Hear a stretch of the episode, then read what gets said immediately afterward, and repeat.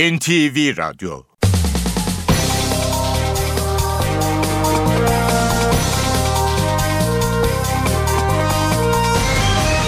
İşe Giderken Mutlu sabahlar. Ben Aynur Altunkaş. Bugün 14 Kasım Perşembe saat 9'a kadar Türkiye ve dünya gündemine yakından bakacağız. Ayrıntılara geçmeden önce başlıklarla başlayalım. Mecliste kadın vekillere pantolon yasağı tarihe karıştı. Oylamadan önce iki kadın vekil genel kurula pantolonla girerek yasağı deldi. Başbakan Erdoğan'la Mesut Barzani'nin iki gün sonra yapacakları görüşmeye muhalefetten tepkiler sürüyor. BDP eş başkanı Selahattin Demirtaş buluşmanın AK Parti'nin yerel seçim hamlesi olduğunu söyledi ve Barzani bu hamleye Kürtlerin genel çıkarları açısından prim vermeyecek kadar deneyimli bir siyasetçidir dedi.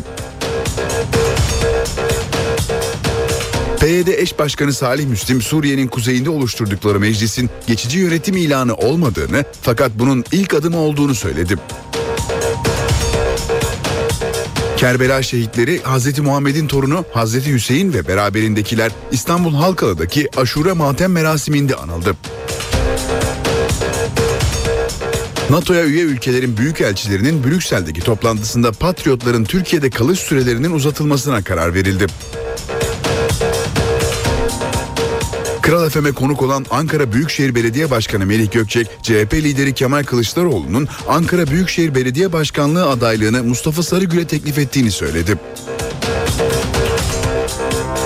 Türk spor dünyasının duayen isimlerinden Doğan Koloğlu 86 yaşında vefat etti. Koloğlu'nun cenazesi yarın toprağa verilecek. İşe giderken gazetelerin gündemi.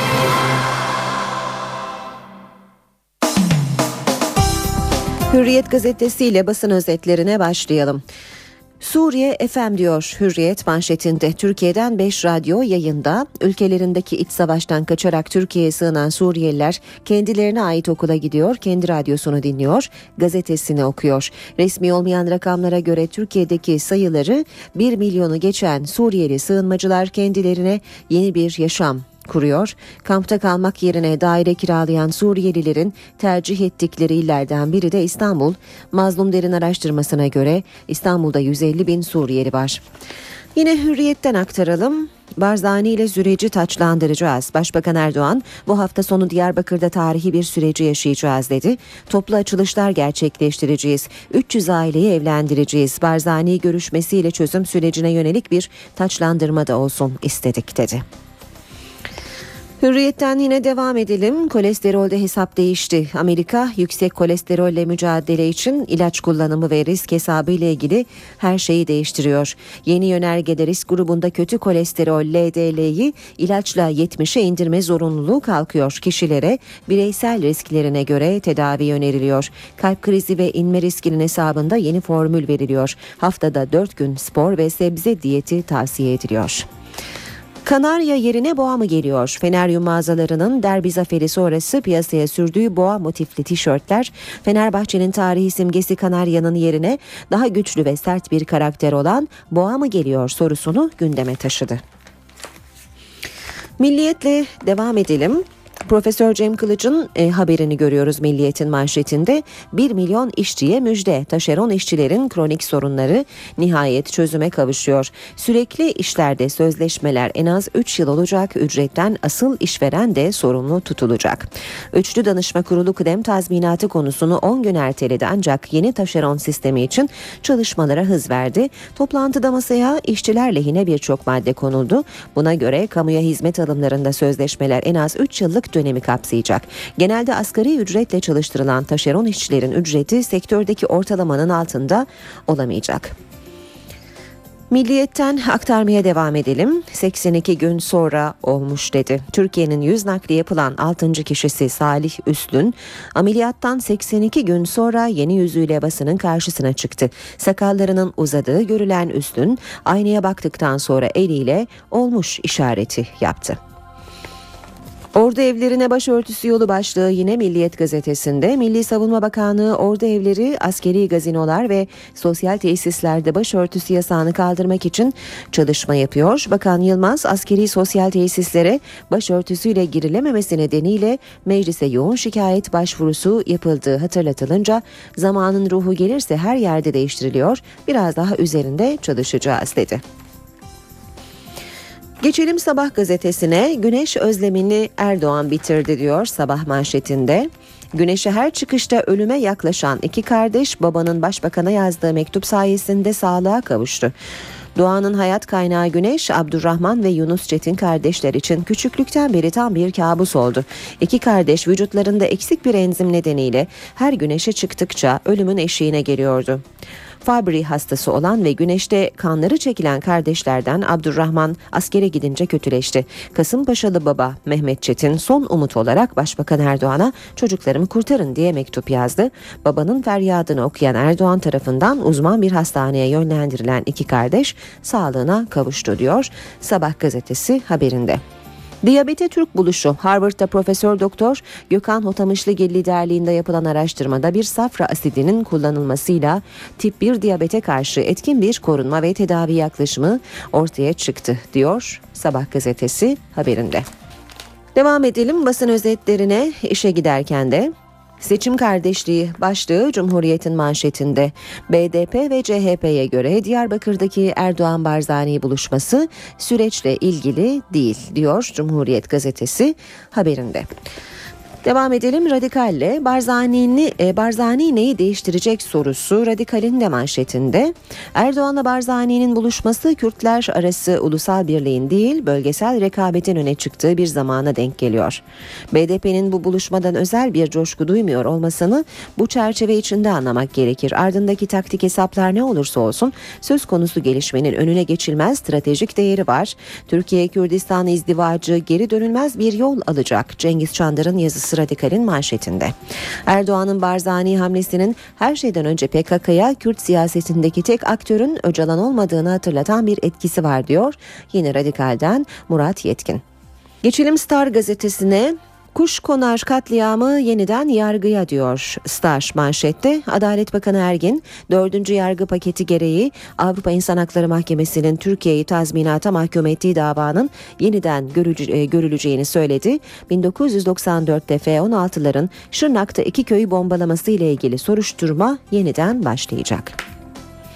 Diyarbakır'a davet edildim gideceğim. Başbakan Erdoğan'ın öğrenci evleri tartışması ile ilgili dava kardeşiyiz nifak beklemeyin açıklamasından sonra kriz beklentileri boşa çıktı demiş Star gazetesi.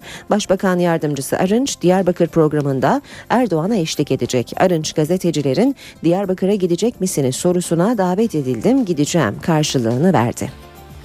Habertürk'le devam ediyoruz.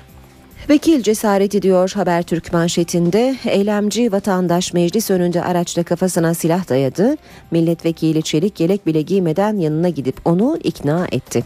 Daha önce baz istasyonuna tırmanan Ömer Faruk Bildirici dün mecliste ortaya çıktığı borçları için yardım isteyen bildirici silahı başına dayadı. Polis ve psikologlar vazgeçiremedi. Bu arada milletvekili Uğur Aydemir geldi.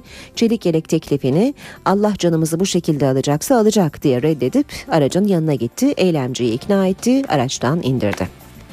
Hakimleri hiçbir merci emir veremez başlığını Habertürk'te görüyoruz. Hakimler ve Savcılar Yüksek Kurulu'ndan 28 Şubat yanıtı.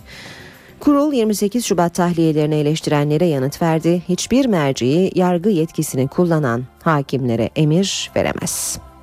Zaman gazetesine bakalım. Eğitime büyük darbe diyor Zaman Gazetesi manşetinde. Bu taslak böyle yasalaşırsa eğitime büyük darbe. Dershane ve etüt merkezlerinin tamamı kapatılıyor. Dershaneler ve öğrenci eğitim etüt merkezleri gibi kursların tamamı 2013-2014 eğitim öğretim yılının bitiminden itibaren kapatılacak. Değişiklik söylendiği gibi Milli Eğitim Bakanlığı tabelasının indirilmesiyle sınırlı kalmayacak. Dershanelerin kapısına tamamen kilit vurulacak. Kapatmayana da çok ağır cezalar verilecek. Milli Eğitim Bakanlığı Müsteşarı Yusuf Tekin başkanlığında bir ekibin hazırladığı öne sürülen kanun taslağı özel öğretim başta olmak üzere bütün eğitim sistemine darbe vuracak kritik değişiklikler öngörüyor demiş Zaman Gazetesi. Yeni Şafak'a da Bakalım bizi saf mı sanıyorlar demiş Yeni Şafak manşette. Bülent Arınç medyaya tepki gösterdi. Bülent Arınç'ın öğrenci evleri konusundaki açıklamalarını kriz diye yorumlayan medyaya tepkili olduğu öğrenildi. Arınç yakın çevresine kendisini öven yazıları kastederek yıllardır düşmanca yayın yapan gazeteler ve yazarlar bize metiye diziyor, bizi saf mı zannediyorlar dedi.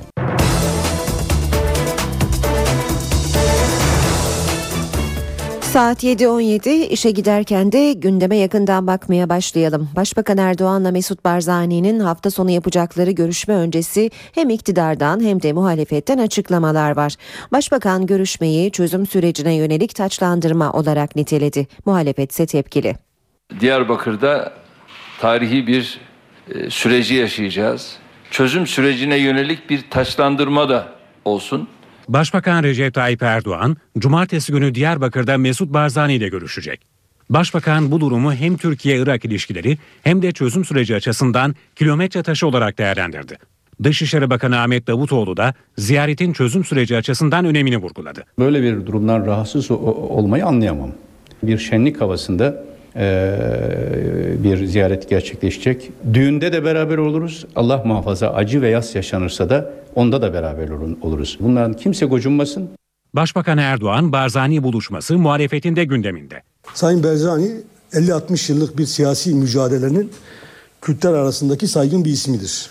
Ben bu saygınlığını Türkiye'deki iş siyasi çekişmelere ve çatışmalara, çatışmalara, kavgalara kurban etmemeye özen göstermesini dilerim. Yabancı devlet adamı Diyarbakır'da niye kabul ediliyor ya?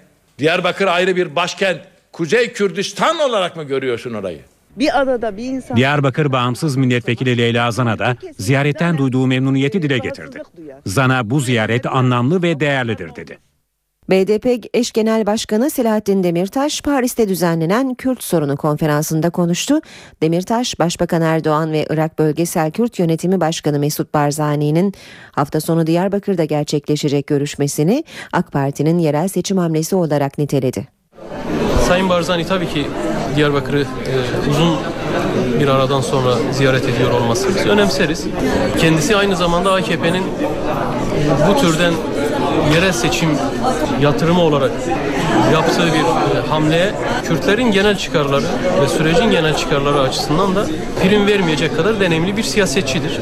Çözüm sürecinin başından bu yana başbakanla bir araya gelebilmiş değiliz. Başbakan buna kapalı. Yani öyle Kürt liderlerle çok da görüşmeye hevesli bir başbakan olmadığını çok iyi biliyoruz.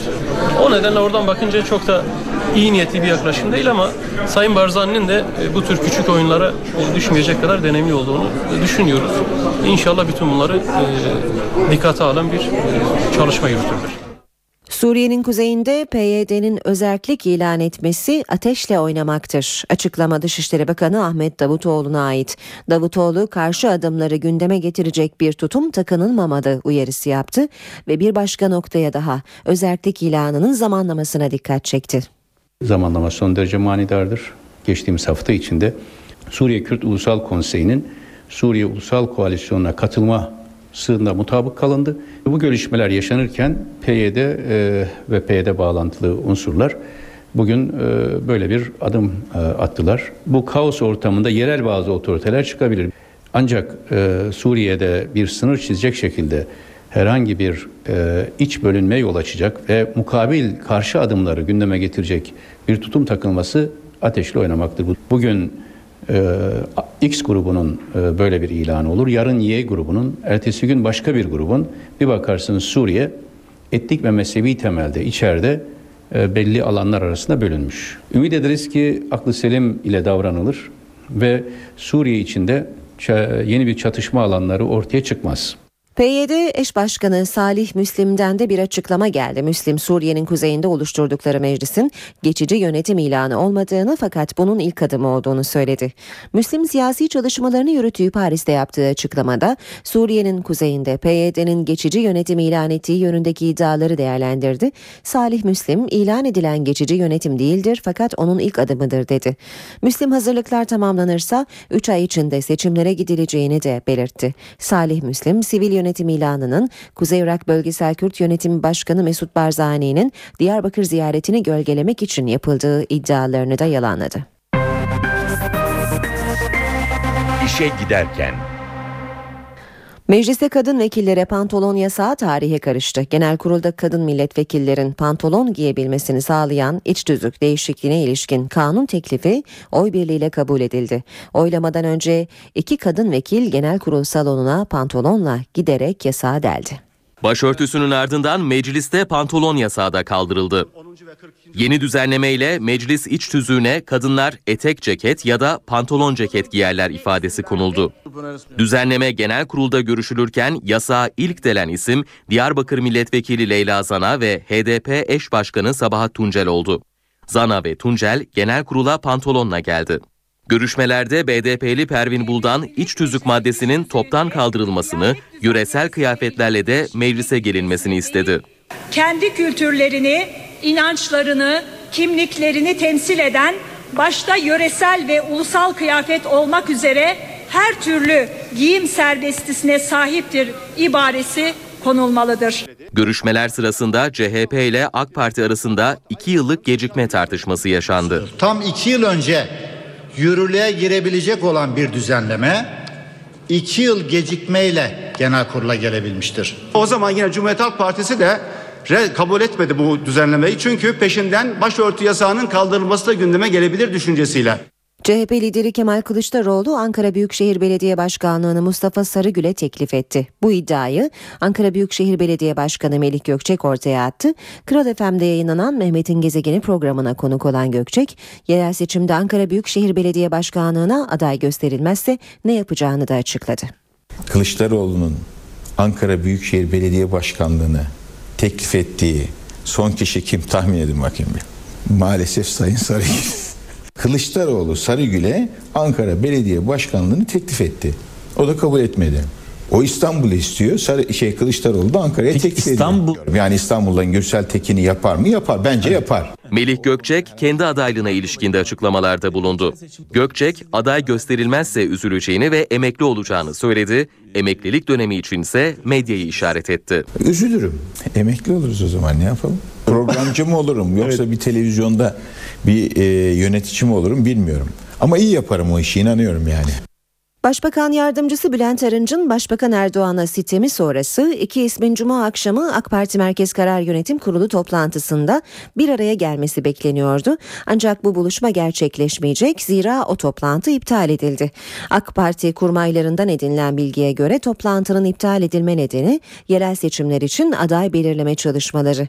Cuma günü AK Parti Merkez Karar Yönetim Kurulu yerine seçim üst kurulu toplanacak. Başbakan Erdoğan'ın başkanlığında Genel Başkan Yardımcısı yardımcıları, genel sekreter, kadın ve gençlik kollarının katılacağı toplantıda teşkilatlarda yapılan temayül sonuçları değerlendirilmeye devam edilecek. İşe giderken Hazreti Hüseyin'i anma törenleri ve aşura etkinliklerinin en önemli merkezi Kerbela ve Şiiler deyim yerindeyse buraya akın ediyor. Sadece Kerbela değil Hazreti Ali'nin türbesinin bulunduğu Necef'te de on binler toplanıyor.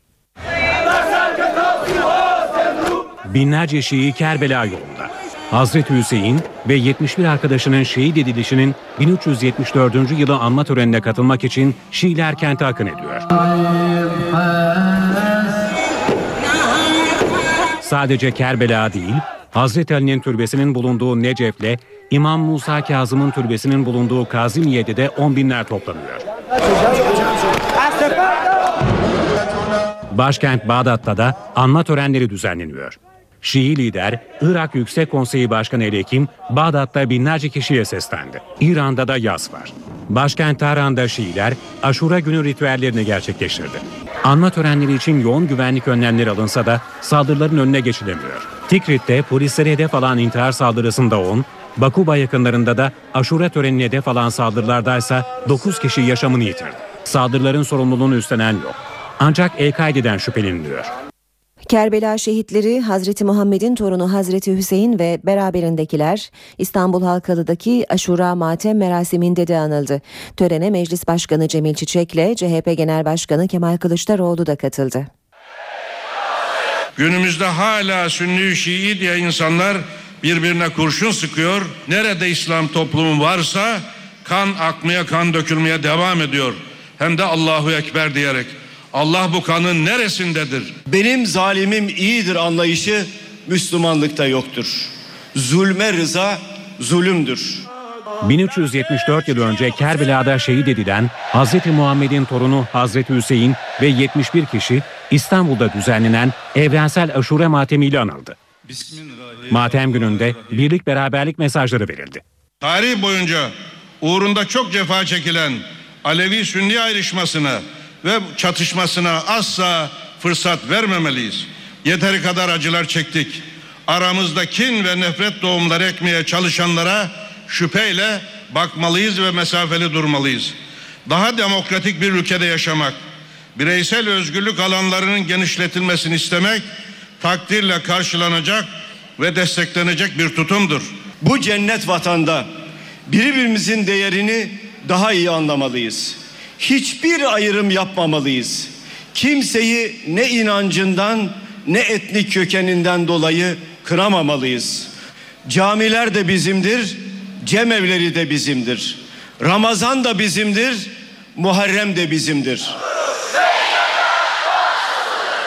Türkiye Caferileri lideri Selahattin Özgündüz'ün yeni anayasa çalışmalarına yönelik eleştirileri vardı. Kürt'e hak, Alevi'ye hak, Türk'e hak, Sünni'ye hak. Her birerimize ulufat. Ya bunu ben anlayamıyorum. Bu devlet bizim hepimizin değil mi? Bu toprak bizim hepimizin değil mi? Selahattin Özgündüz, Aşura gününün tatil edilmesini de istedi. Tören, Kerbela olayını temsil eden bir tiyatro oyunu sergilenmesinin ardından son buldu. NTV Radyo Azerbaycan Devlet Başkanı İlham Aliyev'in Türkiye ziyaretinden iki önemli mesaj var. Azerbaycan Türk vatandaşlarına vizeyi yumuşatıyor. İkinci müjde ise Azerbaycan'daki Türk işçilere dönük.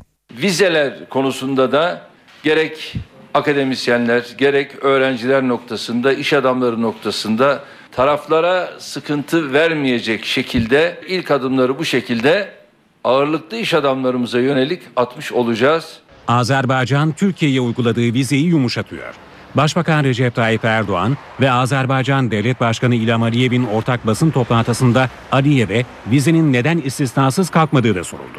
İstisna hakimi, elm adamları, idmançılar, iş adamları, tanınmış insanlar, Azərbaycanla sıx-sıx bağlı olan insanlar üçün tamamilə vizasız rejim tətbiq ediləcəkdir. Görüşmelerde Azerbaycan'daki Türk işçilerin ödediği harçların da büyük miktarda azaltılması kararı alındı. Şu ana kadar verilen harçlar 1270 dolardı. Bunu 50 dolara indirelim dediler ve böylece bunu 50 dolara indirmiş olduk. Biraz Erdoğan ve Aliyev enerji koridoru ve Dağlık Karabağ sorununu da görüştü. Yukarı Karabağ sorunu şu anda Azerbaycan'ın nedenli sorunuysa bizim de o denli sorunumuzdur. Amerika, Rusya, Fransa bu konuda bu işi çok daha sıkı, ciddi, kararlı bir şekilde tutmalı. Erdoğan ve Aliyev'in başbakanlıktaki araç konvoyunda ilginç bir olay da yaşandı. Koruma cipinin motoruna giren kedi bir türlü çıkarılamadı. Bunun üzerine araçtaki tüm malzeme başka araca yüklendi. Konvoy gitti ancak kedinin çıkarılamadığı araç başbakanlıkta bırakıldı.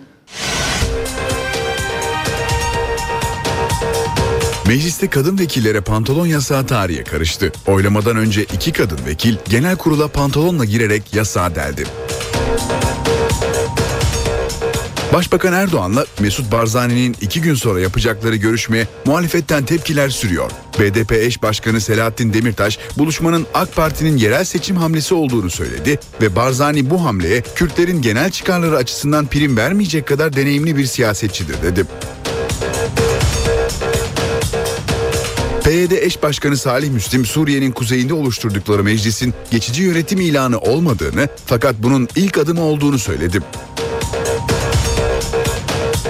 Kerbela şehitleri Hz. Muhammed'in torunu Hz. Hüseyin ve beraberindekiler İstanbul Halkalı'daki aşure matem merasiminde anıldı. NATO'ya üye ülkelerin büyükelçilerinin Brüksel'deki toplantısında Patriotların Türkiye'de kalış sürelerinin uzatılmasına karar verildi. Kral FM'e konuk olan Ankara Büyükşehir Belediye Başkanı Melih Gökçek, CHP lideri Kemal Kılıçdaroğlu'nun Ankara Büyükşehir Belediye Başkanlığı adaylığını Mustafa Sarıgül'e teklif ettiğini söyledi. Türk spor dünyasının duayen isimlerinden Doğan Koloğlu 86 yaşında vefat etti. Koloğlu'nun cenazesi yarın toprağa verilecek. İşe giderken gazetelerin gündemi.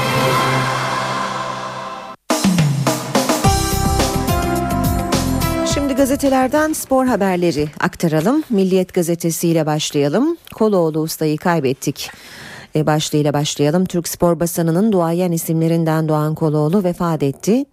Türkiye Spor Yazarları Derneği'ne başkanlık yapan akşam Hürriyet Milliyet'te Türk sporuna ışık tutan Koloğlu yarın toprağa verilecek. Milliyetten okumaya devam edelim. Galatasaray Başkanı Aysal herkese cevap verdi. Yaylım ateşi. Terime başarılarımız bir ekip işi olup hiçbiri ne benim ne de başka bir kişinin tek başına ortaya koyabileceği veya kendisine mal edeceği boyuttadır. Fenerbahçe'ye yönelik olarak Saraçoğlu'ndaki görüntüler bazı kulüplerimizin Galatasaray kompleksiyle, kompleksiyle yaşadıklarını ve Galatasaray düşmanlığıyla beslendiklerini ortaya koydu dedi. Ünal Aysal camiaya yönelik olarak da Galatasaray'ın vizyonu kulübe sahip çıkma anlayışı bu mu diye kendimi sorgulamıyorum dersem herhalde doğruyu söylememiş olurum. İşte Yanal'ın çılgın projesi. Ersun Yanal sezon sonunda 100 gol barajını aşarak şampiyonluğa ulaşmanın planlarını yapıyor. Fenerbahçe'ye imza atmadan önce Başkan Aziz Yıldırım'a bu kadroyla 100 golü buluruz diyen Yanal, ilk 11 haftadaki 28 puan ve 26 gollük performansın üzerine çıkabileceklerini düşünüyor. Başarılı teknik adam Sov ve Bo Kayt Emenike dörtlüsünün çok daha üretken olabileceğine inanıyor. Fenerbahçe'yi ihraç edeceğiz. Kulüpler Birliği Başkanı Cavcav dünkü toplantıya katılmayan Aziz Yıldırım'ı sert bir dille eleştirirken Sarı Lacivertli kulübü ihraç edeceklerini söyledi. Duyunca çok şaşırdım. Fatih Terim derbide kendisine yapılan tezahürat için duyunca çok şaşırdım. Ben artık ülkenin her tarafında herkes için ayrı bir yere konduğumu düşünüyorum dedi. Milliyetten okumayı sürdürelim. O sana duble. Beşiktaş genç yıldızının aldığı parayı iki katına çıkaracak. Siyah beyazlara bu sezon katılan oyuncu 425 bin euro garanti ve maç başına 7500 euroya anlaşmıştı. Oğuzhan'ın performansından memnun kalan Beşiktaş yönetimi iyileştirmeye gidecek ve Kerim Fray'ın aldığı ücretle eşitleyecek.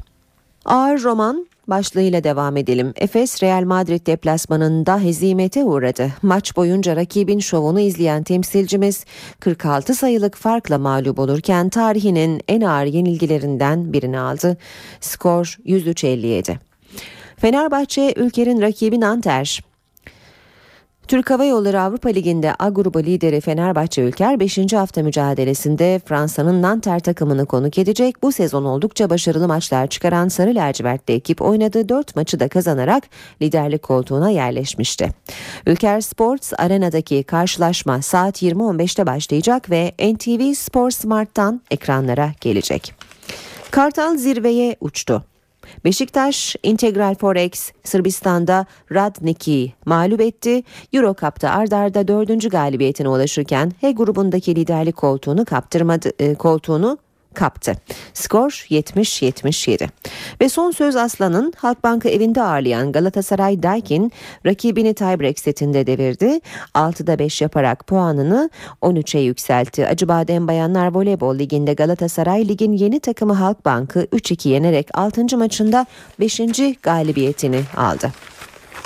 Milliyet gazetesinden aktardık spor haberlerini. Şimdi Hürriyet'e geçelim. Okuyacağımız ilk haberin başlığı Aziz Yıldırım baba gibi. Yanal derbi değil senin sağlığın önemli deyip kendisini operasyon için hastaneye gönderen Fenerbahçe Başkanı'nı anlattı. Neden Fenerbahçe ailesinin lideri olduğunu gösterdi. Kalbiyle ilgili operasyonu Galatasaray derbisi sonrasına bırakmak isteyen Ersun Yanal'ı beklememesi için ikna eden Aziz Yıldırım stent takma işlemi boyunca da hastaneden ayrılmadı. Şike davasında sıra kararda usul eksiklikleri tamamlanan dosya dün mesai saati bitimine kadar Yargıtay'a ulaşmadı. Başsavcılık dosyayı aldıktan sonra 5. Ceza Dairesi'ne gönderip temiz sürecini başlatacak. Kanarya gitti boğa geldi. Feneryum mağazalarındaki yeni tişörtler tarihi simge değişiyor mu sorusunu doğurdu. Sarı Kanarya yerine daha güçlü ve sert bir karakter olan Boğa'nın basıldığı tişörtler taraftardan da yoğun ilgi görüyor. Fenerbahçe yönetimi tarihi simgeyi değiştirme niyetinde değil. Son 10 yıla Fenerbahçe damgası. Sarı lacivertliler geride kalan 10 yılda Süper Lig'de en fazla puanı toplayan takım olurken bu periyotta ilk dördün dışında hiç kalmadı. Galatasaray cephesine bakalım. Galatasaray kompleksi kompleksiyle yaşıyorlar. Ünal Aysal ezeli rakipleri Fenerbahçe'ye ağır sözlerle yüklendi. Sarı Kırmızılıların başkanı son olarak Şükrü Saracoğlu'nda yaşanan görüntüler bazı kulüplerimizin sadece Galatasaray kompleksiyle yaşadıklarını ve Galatasaray düşmanlığıyla beslendiklerini açıkça ortaya koydu dedi. Hürriyetten aktarmaya devam edelim. Aslı Çakır'ı kurtaracak rapor. Olimpiyat şampiyonu sporcumuzun dopingli olmadığını kanıtlayacağı belgeye yer veriyor. Belgelere yer veriyor Hürriyet. Milli atletin 11 kan tahlilinin 15 ila 38 saat sonra analiz edildiğini belirten doktor, sporcunun verileriyle biyolojik pasaporttaki rakamlar kırmızı çizgiyi geçmiyor. Buna dopingli denemez ifadelerine yer verdi. Kartal'ın kalesinde Tolga farkı. Oscar Cordoba'dan sonra kalede yüzü Tolga ile güldü. Geçen sezon 49 golle ligde kendi gol yeme rekorunu kıran Beşiktaş son 4 sezonun en iyi performansını ortaya koyuyor. Kaleyi Trabzonspor'dan aldığı milli eldiven Tolga Zengin'e emanet eden Kara Kartal 11 haftada sadece 10 gole izin verdi. Ben bu arabadan nasıl çıktım? Gaziantep sporlu Milevski bariyerlere çarparken muayenesinde 1.31 promil alkol bulundu. Milli maç arasında ülkesi Ukrayna'ya giden ve dün dönen yıldız futbolcu kaza sonrasında oldukça şaşkın bir şekilde aracının önünde oturdu. Ve deplasman kartalı başlığıyla bitirelim hürriyeti. Beşiktaş Euro Cup'ta dış sahada oynadı. Üçüncü maçı da kazandı. Bakman'ın 19 sayıyla yıldızlaştığı maçta siyah beyazlar Sırp temsilcisi ne zorlanmadan devirdi diyor Hürriyet gazetesi haberinde. Devam edelim spor haberleri okumaya. Sabah gazetesi var sırada. Sabahın sabahtan okuyacağımız ilk başlık onu yolla Terry'i al. Derbi sonrasında Galatasaray'da transfer kazanı erken kaynamaya başladı. İngiliz medyası Snyder Manchester United flörtünün ardından Roberto Mancini'nin istediği savunmacıyı manşete taşıdı. Chelsea'den John Terry. Fatih Terim'in Fenerbahçe Galatasaray derbisinde taraftarın İmparator Terim tezahüratına ilişkin yaptığı açıklamayı görüyoruz sabahta da duyunca şaşırdım başlığıyla. Hocasına güvenmedi bizzat götürdü başlığını sabahta görüyoruz. Fenerbahçe'de derbi öncesi Yanal'ın sağlık sorunu ile ilgili süreci Aziz Yıldırım'ın e, yürüttüğünü okuyoruz haberde. Şike dosyası yola çıktı. Yargıtay'ın eksik bulduğu şike dosyası 16. Ağır Ceza Mahkemesi tarafından tekrar Ankara'ya gönderildi. Gözler artık Adana'da Trabzon'un 2010-2011 sezonunun temsilcinin tems e, tescilinin iptali için yaptığı başvuru Adana'daki Türkiye Futbol Federasyonu toplantısının ilk maddesi olacak. Bir haber daha aktararak bitirelim bu bölümü. Dopingle terör gibi savaşacağız. Olimpiyat Komitesi'nin yeni başkanı Bah, dopingle terörle mücadele gibi savaşacağız. Tolerans yok dedi. Spor haberleri aktardık gazetelerden. Türkiye ve dünya gündemine yakından bakmaya devam edelim.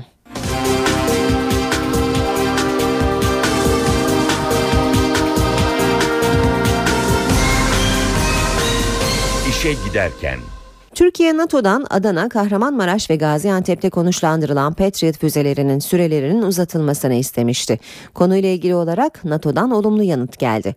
NATO'ya üye ülkelerin büyükelçilerinin Brüksel'deki toplantısında Patriot'ların Türkiye'de kalış sürelerinin uzatılmasına karar verildi. Büyükelçiler Türkiye'ye yönelik hala ciddi tehdidin devam ettiği konusunda da görüş birliğine vardı. Türkiye'nin ilk taarruz helikopteri Atağan performansı onu kullanacak olan Kara Kuvvetleri Komutanlığı'nı tatmin edemedi. Atak ikinci kez kabul testlerinde sınıfı geçemedi. Denge ağırlık ve titreşim gibi konularda Kara Kuvvetleri'nin standartlarını yakalayamayan Atak bir sonraki kabul testlerine yani Kasım 2014'e kadar test uçuşlarına devam edecek. Suriye sınırında dört noktada kaçaklara, kaçakçılara sınır birlikleri müdahale etti. Üç asker yaralandı. Motosikletli bir kaçakçı ise kaza yaptı, hayatını kaybetti. Genelkurmay Başkanlığından yapılan açıklamada Akçakale, Narlıca ve Biranşehir'de sınıra yakın bölgelerde kaçakçılık yapmak isteyen kişilere müdahale edildiği belirtildi. Uyarıların ardından yapılan müdahaleler sırasında dört kaçakçı ve üç asker yaralandı. Biranşehir'deki kaçakçılık girişiminin engellenmesinin ardından kaçmaya çalışan bir kişi de motosikletinden düşerek hayatını kaybetti.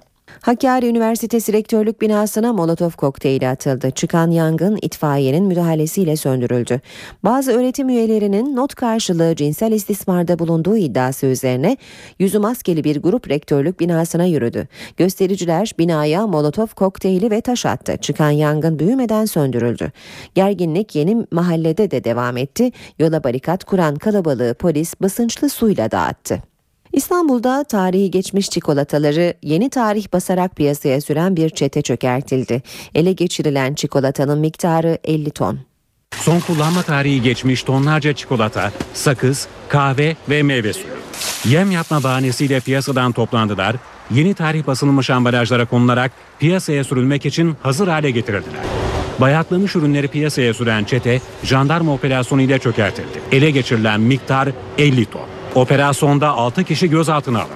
İstanbul Sarıyer'de yine bir kurtarma rezaleti yaşandı. Denize düşen bir genç müdahale gecikince göz göre göre can verdi. İstanbul Sarıyer sahil yolunda arkadaşlarıyla sohbet eden 22 yaşındaki Osman Kurt dengesini kaybederek denize düştü. Çevredekiler polise haber verdi. Engin bak şunu şuraya da. Olay yerine gelen itfaiye ekibi suyun üzerinde hareketsiz duran Osman Kurt'a müdahale edemedi. Kurt batmaya başlayınca çevredeki iki kişi suya atladı. Bir taksici Osman Kurt'u kıyıya çekti. Kalabalığı gördüm yolda durdum. Baktım birisi yüzüyordu. Ben polisin yanına yanaştım dedim ki böyle dedim bu ne yapmaya çalışıyor ne oluyor dedim. Ölü dediler bana. Ondan sonra atladım oraya. Adamı dipten aldım ve yukarı çıkarttım. Bu arada çevredeki bir kişi kıyıya çıkarıldıktan sonra gencin gözlerini bir an için açtığını iddia etti. Ancak müdahale için bekleyen ambulans olay yerinden ayrıldığı için Kurt özel araçla hastaneye götürüldü. Burada yapılan kontrolde Osman Kurt'un öldüğü anlaşıldı. Sarıyer Belediye Başkanı Şükrü Genç sahil şeridi boyunca korkuluk olması gerektiğini söyledi. Bütün sahilin bu düzenlemesinin sonrasında mutlaka bu korkuluğun yapılması lazım. Ee, ve Büyükşehir'le bunu zaman zaman tartıştık. Ve bizim bu konuda yazılarımız da var. Ee, diğer bölgelerde yapıldığı gibi aynı şekilde korkulun devam etmesi lazım. İstanbul'u sürücüleri uyaralım. Artık trafik kurallarını ihlal edenler havadan da yakın takipte. İlk denetim Fatih Sultan Mehmet Köprüsü üzerindeydi. Hatalı sürücüyü havadan izleyecek, cezayı karadan kesecekler. Ee, tamam takip ettim efendim.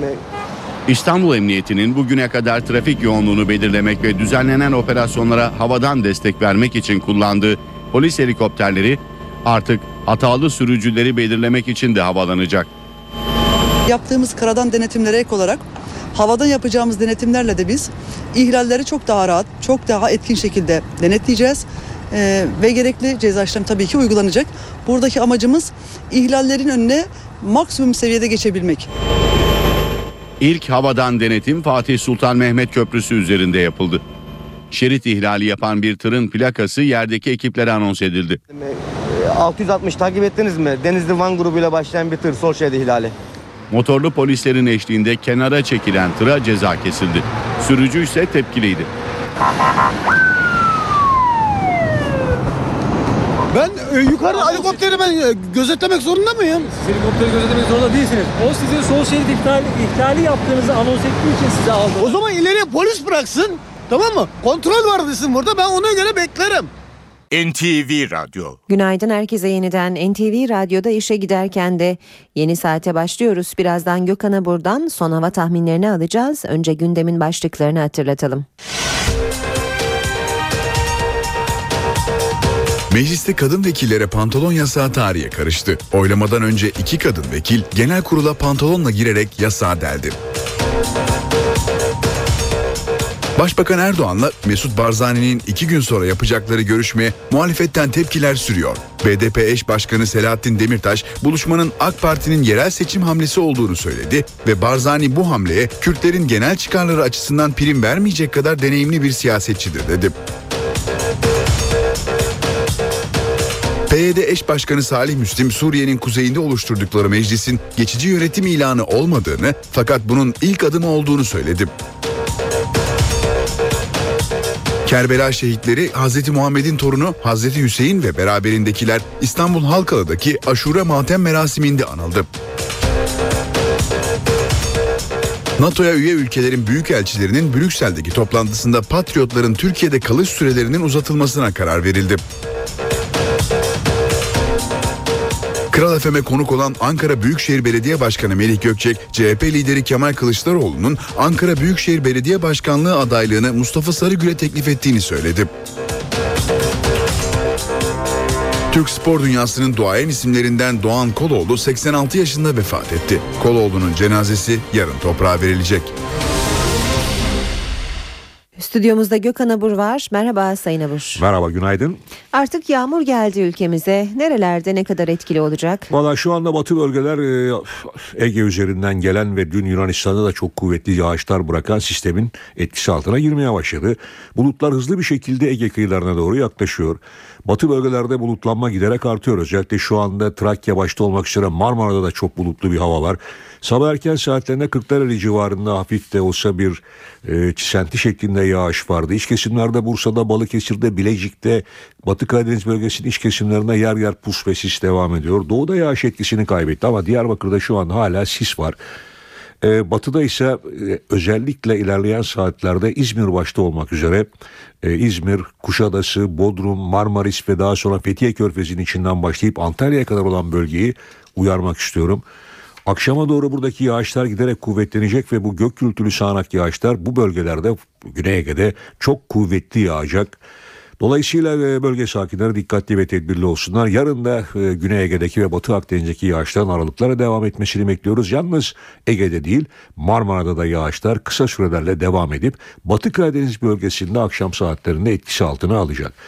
Evet İstanbul'da şu anda hava sıcaklığı 13 derece. Bu termometrenin gösterdiği sıcaklık. Oysa bugün sıcaklık 15-16'ya kadar çıksa bile yine öğle saatlerinde rüzgarla birlikte hissedilen sıcaklık 13 derece civarında olacak. Poyraz bugün giderek sertleşiyor. Yarından itibaren daha da kuvvetlenecek Poyraz hafta başına kadar etkili olacak ve Poyraz'dan dolayı sıcaklıklar çok daha düşük değerlerde hissedilecek ama önümüzdeki hafta yeniden Lodos var. Dolayısıyla önümüzdeki hafta tekrar Marmara bölgesinde Ege'de sıcaklıklar yeniden 5-6 derece birden yükselecek ama bu ani sıcaklık değişimlerine karşı dikkatli olun. Ankara'da merkezde sıcaklıklar 0 derece civarında oluyor ama Ankara'nın biraz kırsal kesiminde özellikle Esenboğa civarında yine biraz önce bir saat önceki ölçülen değer eksi 2 dereceydi. Ankara'da bugün beklediğimiz gündüz sıcaklığı en fazla 15 derece olacak ama gece sıcaklığı yine 0 derece hatta yer yer sıfırın altına inecek. İzmir'de yağışın öğle saatlerinde başlamasını bekliyoruz. Biraz evvel vurguladım şu anda bulutlar yoğun bir şekilde Çeşme'ye doğru yaklaşıyor. İlerleyen saatlerde merkezi de etkisi altına alıp oradan Manisa'ya doğru yoluna devam edecek. Ve bugün İzmir'de beklediğimiz en yüksek sıcaklık da 17 derece civarında olacak. Evet bizlere bekleyen koşullar böyle. Batı yağışlı havanın ve serin havanın etkisi altına girmeye devam edecek. En azından önümüzdeki günlerde bu sistem de etkisini sürdürecek. Gökhan Abur teşekkür ediyoruz. İşe giderken gazetelerin gündemi.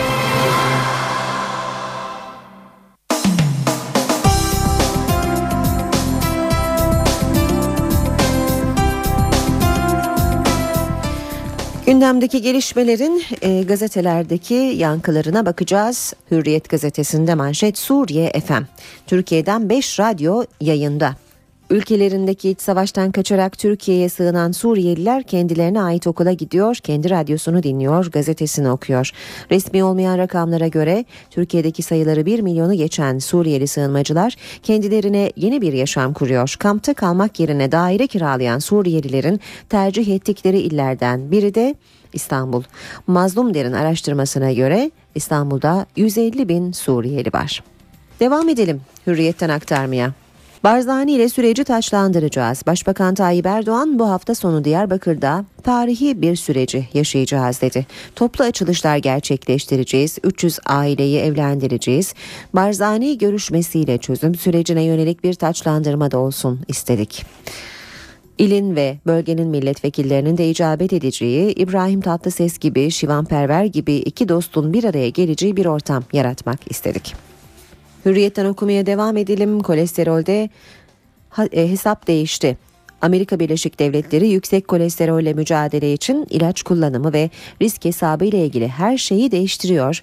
Yeni yönergede risk grubunda kötü kolesterol LDL'yi ilaçla 70'e indirme zorunluluğu kalkıyor. Kanarya yerine boğa mı geliyor? Feneryum mağazalarının derbi zaferi sonrası piyasaya sürdüğü boğa motifli tişörtler Fenerbahçe'nin tarihi simgesi Kanarya'nın yerine daha güçlü ve sert bir karakter olan boğa mı geliyor sorusunu gündeme taşıdı. Geçelim milliyete. 1 milyon işçiye müjde Profesör Cem, Cem Kılıç'ın haberini Milliyet'te manşette görüyoruz. Taşeron işçilerin kronik sorunları nihayet çözüme kavuşuyor. Sürekli işlerde sözleşmeler en az 3 yıl olacak. Ücretten asıl işveren de sorumlu tutulacak. 572 bini özel sektörde 661 bini kamuda çalışan taş, taşeron işçilerin yıllık izinler açısından da ciddi sıkıntıları var.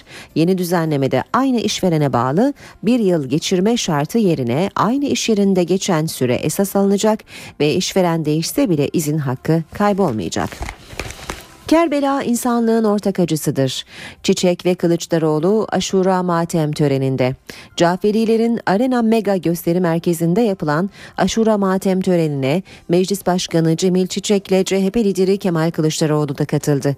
Çiçek bu topraklar üzerinde Yezid'den yana olan bir insan yoktur dedi Kılıçdaroğlu da. Kerbela insanlıktan nasibi olan herkesin ortak acısıdır diye konuştu. Milliyetten yine okumaya devam edelim. Ordu evlerine başörtüsü yolu. Milli Savunma Bakanlığı ordu evleri, askeri gazinolar ve sosyal tesislerde başörtüsü yasağını kaldırmak için çalışma yapıyor. Bakan Yılmaz, askeri sosyal tesislere başörtüsüyle girilememesi nedeniyle meclise yoğun şikayet başvurusu yapıldığı hatırlatılınca zamanın ruhu gelirse her yerde değiştiriliyor. Biraz daha üzerinde çalışacağız dedi. 82 gün sonra olmuş dedi. Türkiye'nin yüz nakli yapılan 6. kişisi Salih Üstün ameliyattan 82 gün sonra yeni yüzüyle basının karşısına çıktı. Sakallarının uzadığı görülen Üstün aynaya baktıktan sonra eliyle olmuş işareti yaptı.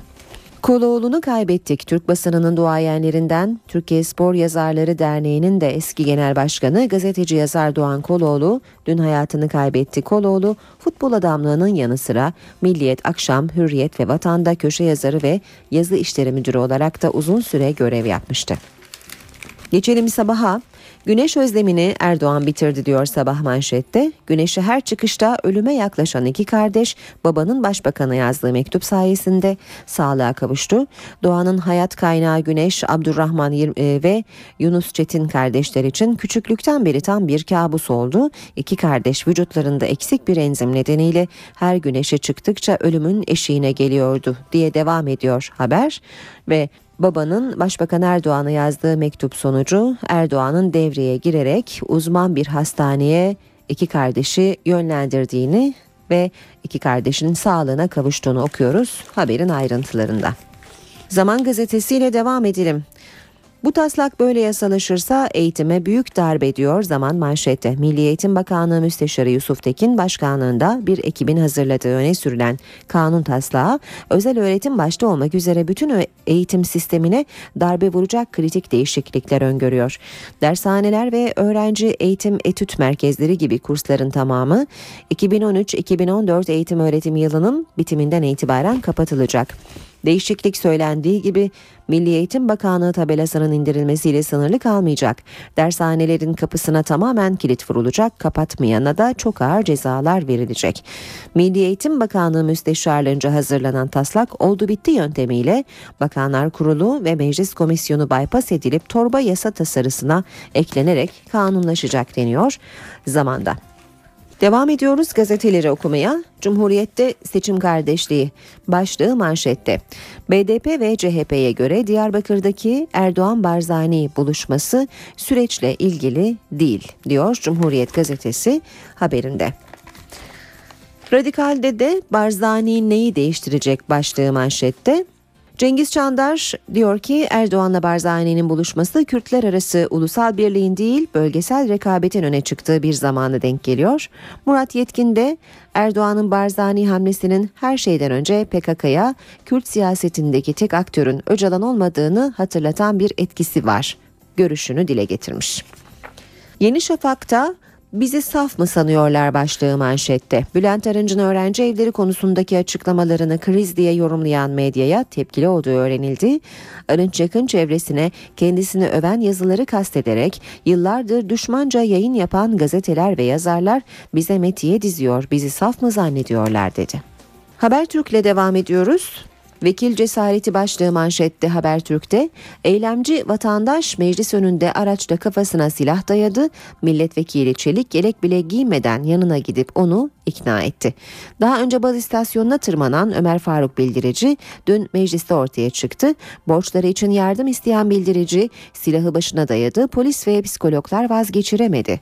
Bu arada milletvekili Uğur Aydemir geldi. Çelik yelek teklifini Allah canımızı bu şekilde alacaksa alacak diye reddedip aracın yanına gitti. Eylemciyi ikna etti, araçtan indirdi. Star'la bitirelim manşet, e, manşet turumuzu. Kuş konar katliamı yeniden yargıya diyor e, Star gazetesi manşette.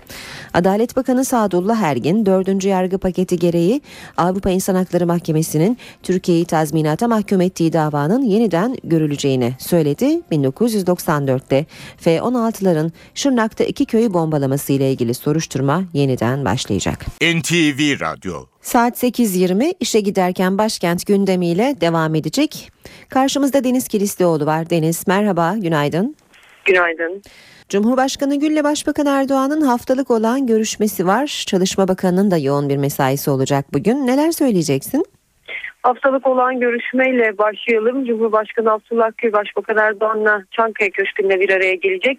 Tabii görüşmede hem iç hem dış siyasete ilişkin gelişmeler değerlendirilecektir ama e, biz Başbakan Yardımcısı Bülent Arınç'ın öğrenci evleri açıklaması konusunda e, Başbakan'a Erdoğan'a yönelik sisteminin gündeme gelmesini açıkçası bekliyoruz. E, meclisin çok yoğun bir gündemi var. E, genel kurulda bugün AK Parti Grup Başkan Vekillerinin verdiği kamu ihale kanununda değişiklik öngören yasa teklifiyle alınacak. E, teklif oy pusulası ve diğer seçim malzemelerinin ihale komisyonu kurma zorunluluğu olmaksızın doğrudan temin edilebilmesini e, öngörüyor. E, hem Cumhurbaşkanlığı e, Cumhurbaşkanı halk tarafından seçilmesi, anayasa değişikliğine ilişkin kanunların halk oyuna sunulması yani referandumlarda kullanılacak oy pusulaları hem de genel yerel seçim dönemlerinde ihtiyaç duyacak oy pusulaları ve seçim malzemeleri için önemli olan bir konu. Ee, bugün meclisteki diğer bir önemli durak Anayasa Uzlaşma Komisyonu olacak. Anayasa Uzlaşma Komisyonu tıkanıklığı aşmak ve çalışmaları daha verimli hale getirmek için Meclis Başkanı Cemil Çiçek'in başkanlığında toplanacak. Mecliste plan bütçe mesaisi devam ediyor komisyonda. E, ee, 2014 bütçeleri görüşülüyor biliyorsunuz. Ekonomi Bakanlığı ve Enerji ve Tabii Kaynaklar Bakanlığı'nın bütçeleri bugün görüşülecek. Senin de söylediğin gibi Faruk Çelik'in bugün Çalışma Bakanlığı'nın çok yoğun bir programı olacak e, KESK ve Memur Sen Genel Başkanlarıyla ayrı ayrı görüşecek Faruk Çelik. Görüşmelerin ana gündem maddesi de bir süredir üzerinde bir türlü uzlaşma sağlanamayan kıdem tazminatı düzenlemesi olacak. Son üç e, konuyla gidelim. CHP Genel Başkan Yardımcısı ve Parti Sözcüsü Haluk Koç'un bugün bir basın toplantısı olacak. Gündemdeki gelişmeleri değerlendirecek Haluk Koç. Başbakan Yardımcısı Beşir Atalay e, Kuzey Kıbrıs Türk Cumhuriyeti'ne gidiyor. Onun öncesinde bir basın toplantısı yapacak hem e, Kuzey Kıbrıs Türk Cumhuriyeti gezisi hakkında hem de Filipinler'deki temasları hakkında bilgi verecek Başbakan Yardımcısı Beşir Atalay ve Sağlık Bakanı Mehmet Müezzinoğlu'nun iki programı var. Geleceğimizi diyabetten koruyalım programına katılacak ki bugün Dünya Diyabet Günü. E, ardından da mecliste sigarayı bırakma kampanyasının açılış törenine katılacak. Deniz teşekkürler. Kolay gelsin. İşe giderken Şimdi gündemdeki diğer haberlerle devam edelim. Sağlık Bakanı Mehmet Müezzinoğlu yeni tam gün düzenlemesinin gelecek hafta Meclis Genel Kurulu'na geleceğini açıkladı. Bakan Müezzinoğlu ilaçta sabit kur nedeniyle kalitenin düştüğü iddialarına da açıklık getirdi. Tam günle ilgili son çalışmalarımızı bu hafta sonlandıracağız. Önümüzdeki hafta e, genel kurula indirmeyi e, düşünüyoruz. Tam gün düzenlemesi yenilenmiş haliyle önümüzdeki hafta Meclis Genel Kurulu'na geliyor. Sağlık Bakanı Mehmet Müezzinoğlu düzenlemenin tıp ve diş hekimliği fakülteleri eklenerek değiştirildiğini söyledi.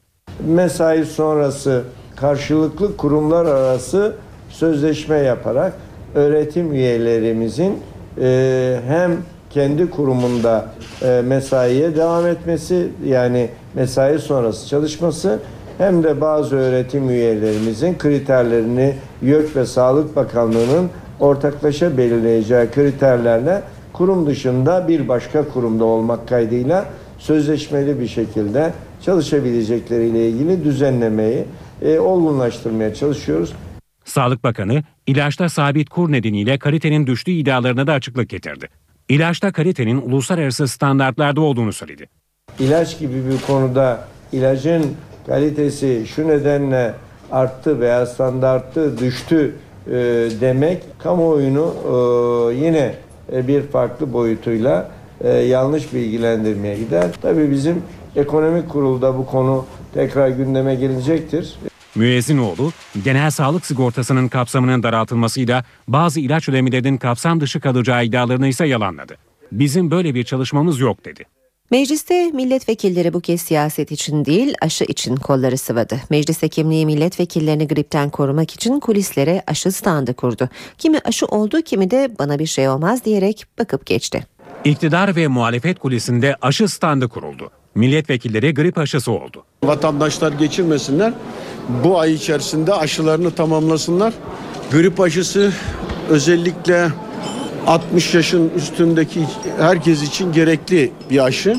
Bir de e, vücut direnci düşük olan kişiler için de gerekli bir aşı. Bir zararı yok. Bazı milletvekilleri sorgusuz sualsiz aşı oldu. Yaptırın dediler, yaptık. Efendim, immünal sistemin korun, korumasını daha kuvvetlendirebilmek için aşı olmakta fayda var. Bunu herkese tavsiye ediyorum.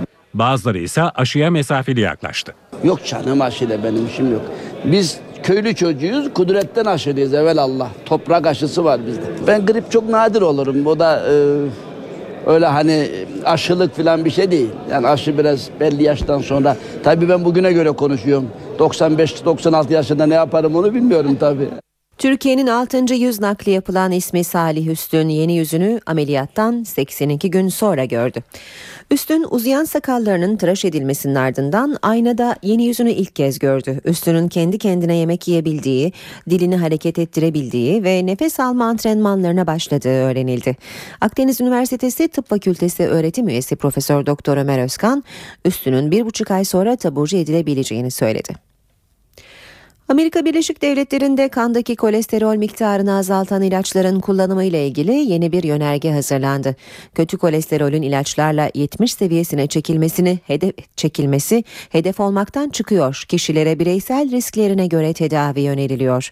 Yönerge Amerikalı yetişkinlerin kolesterol seviyesini düşüren statin tipi ilaçları yerinde ve dozunda kullanması için bir dizi tavsiye içeriyor. Amerikan Kalp Vakfı ve Amerikan Kardiyoloji Koleji'nin hazırladığı yeni yönerge yönerge kötü kolesterolün eskisi gibi 70 seviyesine çekilmesini hedef olmaktan çıkarıyor.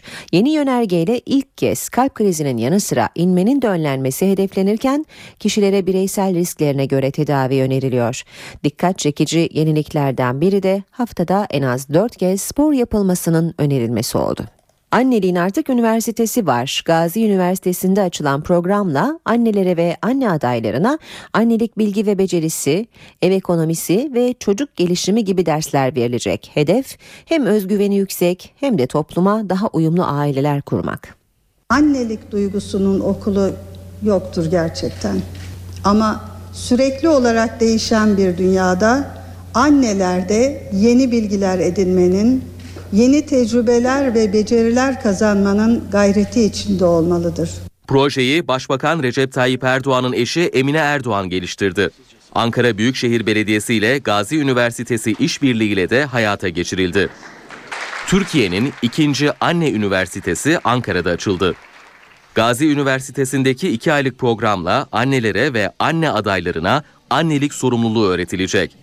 Proje, annelerin bilgi ve becerilerini günün şartlarına göre güncelleyerek topluma uyumlu çocuklar yetiştirmelerine katkı sağlamak ve daha bilinçli aileler kurulmasını hedefliyor. Anne Üniversitesi'nde insan ilişkileri, değerler eğitimi, ev ekonomisi ve girişimcilik, çocuk gelişimi ve eğitimi gibi dersler verilecek. Ders başlıklarından biri de medya okuryazarlığı. Ailelerin %80'i 85'i cinsellikten, şiddetten uzak bir yayın istiyor. %80'i bundan şikayet ediyor. Radyo televizyon üst kuruluna şikayet etme oranı %2. Peki bunu nasıl çözeceğiz biz? İşte elindeki kumandayı iyi kullanan anneyle babayla. Piyasalarla devam edeceğiz. BIST 100 endeksi 422 puan arttı.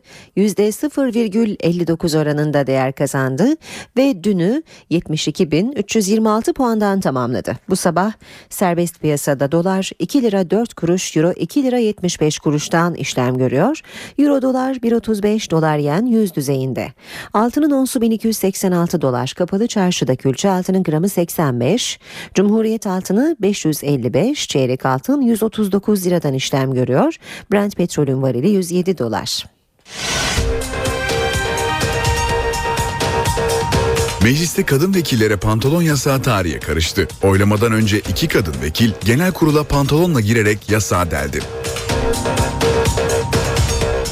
Başbakan Erdoğan'la Mesut Barzani'nin iki gün sonra yapacakları görüşmeye muhalefetten tepkiler sürüyor. BDP eş başkanı Selahattin Demirtaş buluşmanın AK Parti'nin yerel seçim hamlesi olduğunu söyledi ve Barzani bu hamleye Kürtlerin genel çıkarları açısından prim vermeyecek kadar deneyimli bir siyasetçidir dedi. PYD eş başkanı Salih Müslim Suriye'nin kuzeyinde oluşturdukları meclisin geçici yönetim ilanı olmadığını fakat bunun ilk adımı olduğunu söyledi. Kerbela şehitleri Hz. Muhammed'in torunu Hz. Hüseyin ve beraberindekiler İstanbul Halkalı'daki aşure matem merasiminde anıldı. NATO'ya üye ülkelerin büyükelçilerinin Brüksel'deki toplantısında Patriotların Türkiye'de kalış sürelerinin uzatılmasına karar verildi. Kral FM'e konuk olan Ankara Büyükşehir Belediye Başkanı Melih Gökçek, CHP lideri Kemal Kılıçdaroğlu'nun Ankara Büyükşehir Belediye Başkanlığı adaylığını Mustafa Sarıgül'e teklif ettiğini söyledi. Türk spor dünyasının duayen isimlerinden Doğan Koloğlu 86 yaşında vefat etti. Koloğlu'nun cenazesi yarın toprağa verilecek. 8.38'i gösteriyor saatimiz programımızın bu bölümünde dünya gündeminden haberler aktaracağız. Mısır'ın devrik lideri Cumhurbaşkanı Muhammed Mursi kendisine karşı darbe gerçekleştiren Genelkurmay Başkanı Abdülfettah Es-Sisi'yi vatan hainliğiyle suçladı. Darbe tersine çevrilmediği sürece ülkenin istikrara kavuşamayacağını söyledi. Darbe tersine çevrilmediği sürece Mısır istikrara kavuşmaz. Açıklama Mısır'ın devrik lideri Muhammed Mursi'den geldi. Mursi kendisini ziyarete giden avukatlar aracılığıyla Mısır halkına seslendi. Olanlar bir darbedir. İstikrar ve bütünleşme sağlanması için Mısır halkı darbeye karşı ayaklanmalıdır. Darbeye baş kaldıran Mısır halkını selamlıyorum. Darbeyle olanlar tersine çevrilmediği ve darbenin sorumluları adalet önüne çıkarılmadığı müddetçe Mısır'da istikrar sağlanamaz. Muhammed Mursi kendisine karşı darbe gerçekleştiren Genelkurmay Başkanı Abdülfettah El-Sisi'yi vatan hainliğiyle suçladı. Halen İskenderiye'de bir hapiste tutulan devrik lider darbe sürecinde yaşananları da ilk kez kendi ağzından anlattı. Mısır halkı şunu bilmelidir ki rızam olmadan 2 Temmuz'da zorla kaçırıldım ve 5 Temmuz'a kadar devrim muhafızları sarayında tutuldum. Ben ve yardımcım daha sonra zorla bir donanma üssüne götürüldük ve 4 ay boyunca burada tutulduk. Bu ay başında hakim karşısına çıkarılan Muhammed Mursi, Cumhuriyet Sarayı önünde düzenlenen Müslüman kardeşler karşıtı gösterilerde onlarca kişinin ölümüne neden olmakla suçlanıyor. Mursi'nin suçlu bulunması durumunda ömür boyu hapse ya da ölüm cezasına çarptırılabileceği belirtiliyor. Hayan tayfununun vurduğu Filipinler zorda halk bir yandan acıyla yüzleşiyor, cenazeleri toprağa vermeye çalışıyor, diğer yandan da silahlı yağmacılarla mücadele ediyor. Filipinler Haiyan tayfununun yaralarını sarmaya çalışıyor. Tayfunun yerle bir ettiği Tacloban kentinde sokaklar cansız bedenlerle dolu. Halk acil yardım bekliyor. Gerçekten çok zor. Çünkü suyu kırdığımız bir yeraltı borusundan sağlıyoruz. Güvenli olup olmadığını bilmiyoruz. Kaynatmak zorundayız ama yine de en azından suyumuz var. Halk kentten ayrılabilmek için havaalanına akın ediyor. Artık evimiz yok. Kentte çok kötü koku var. Sokaklardaki cansız bedenleri toplayan yok. Cezaevindekiler kaçtı. Evlerde cinsel saldırı ve soygunların olduğu belirtiliyor. Her geçen gün enkaz altında bulunan cansız beden sayısı da artıyor. Tüm bu olumsuzlukların yanında en büyük sorunlardan biri de yağmacılar. Güvenlik güçleri Tayfun'dan 5 gün sonra ilk defa silahlı yağmacılarla çatıştı. Felaketin ardından yaşam mücadelesi verenlerse hala yaşadıklarının etkisinde. Ses duyduk. Büyük bir ses. Su yükseldi. Sonra biz de panik olduk. Dalgayı gördük. Büyük dalga. Ne yapacağımızı bilemiyorduk. Ne olacağını bilmiyorduk. Yakınlarını kaybedenler de sevdiklerini son yolculuğuna uğurluyor. Babasını, eşini ve kızını kaybeden, annesi ise hala bulunamayan Hernando Unida onlardan biri. Dalgalar çok büyüktü ve sonra da yağmur yağdı. 11 milyon kişinin tayfundan etkilenmiş olabileceğini açıklayan Birleşmiş Milletler felakette yaklaşık 700 bin kişinin de evlerini terk ettiğini açıkladı. Rusya'da tutuklanan 30 Greenpeace üyesi koşulları daha iyi olduğu gerekçesiyle St. Petersburg kentinde bir cezaevine nakledildi. Rusya'nın bu hamleyle uluslararası toplumdan gelen baskıyı azaltmaya çalıştığı yorumları yapılıyor.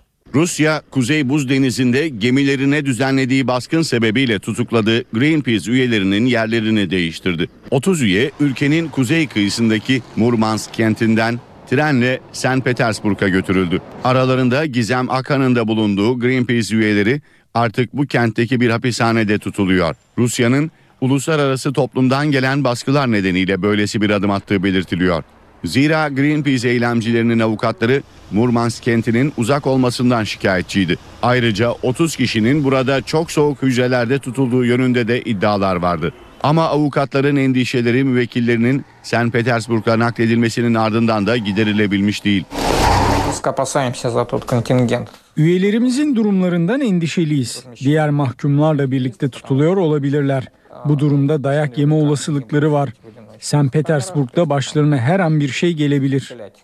Kuzey Buz Denizi'nde Rus petrol platformuna çıkmaya çalışırken gözaltına alınan Greenpeace üyeleri holiganizmle suçlanıyor. Suçlu bulunmaları halinde 7 yıla kadar hapis cezası alabilecekleri belirtiliyor. Macaristan'dan mucizevi bir doğum haberi var sırada. Hamileliğinin 15. haftasında felç geçirerek beyin ölümü gerçekleşen ve 3 ay bitkisel hayatta yaşatılan annenin bebeği kurtarıldı. Talihsiz kadının organları da 4 kişiye yaşam ışığı oldu. Macaristan'da tıp literatürüne girecek bir doğum gerçekleşti. Hamileliğinin 15. haftasında felç geçirerek bitkisel hayata giren 31 yaşındaki kadın 3 ay boyunca yaşam destek ünitesinde yaşatılarak doğuma alındı. Sezaryen yöntemiyle gerçekleşen doğum sonrası dünyaya gelen bebeğin sağlıklı ve 1,5 kilogram ağırlığında olduğu açıklandı. Doğum sonrası anneye ait 4 organ bağışlandı. Operasyonu yürüten doktorlar çalışmalarının bu yönüyle benzersiz olduğunu söylüyor. Literatürde daha önce benzer şartlar altında gerçekleşen iki doğum var. Ancak biz anneye ait dört organı da başarılı şekilde naklederek bebek dışında dört kişinin daha hayatını kurtardık. Bu da bir ilk. Ailenin organ bağışı konusundaki yaklaşımını öven doktorlar annenin kimliği hakkında bilgi vermeyeceklerini söyledi. İngiliz ressam Francis Bacon'ın Freud üçlemesi 142 milyon dolar yani yaklaşık 285 milyon liraya satıldı. Bu bir rekor. Peki eserin sahibi kim? Lucian Freud by Francis Bacon of 1969. İngiliz ressam Francis Bacon'ın Lucian Freud üçlemesi tüm zamanların en pahalı sanat eseri oldu. Tablo New York'ta yapılan müzayedede rekor fiyatla satıldı. Eser tam 142,4 milyon dolara alıcı buldu. Ancak tabloyu kimin aldığı hala bir sır. 1969 tarihli eser üçlemeleriyle tanınan Francis Bacon'ın başyapıtlarından biri. 1 metre 83 santimetre yüksekliğindeki eserde Sigmund Freud'un torunu Lucian Freud bir sandalye üzerinde farklı açılardan tasvir edilmiş. Lucian Freud üçlemesinin parçalarının birbirinden ayrı olarak sergilendiği 1999 yılında yeniden bir araya getirildiği biliniyor. Francis Bacon bu satışla Edward Munch'un da rekorunu elinden almış oldu. Norveçli ressamın Çığlık adlı eseri geçen yıl 120 milyon dolara satılmıştı. Bu haberle işe giderken bitiyor. Hoşçakalın. NTV Radyo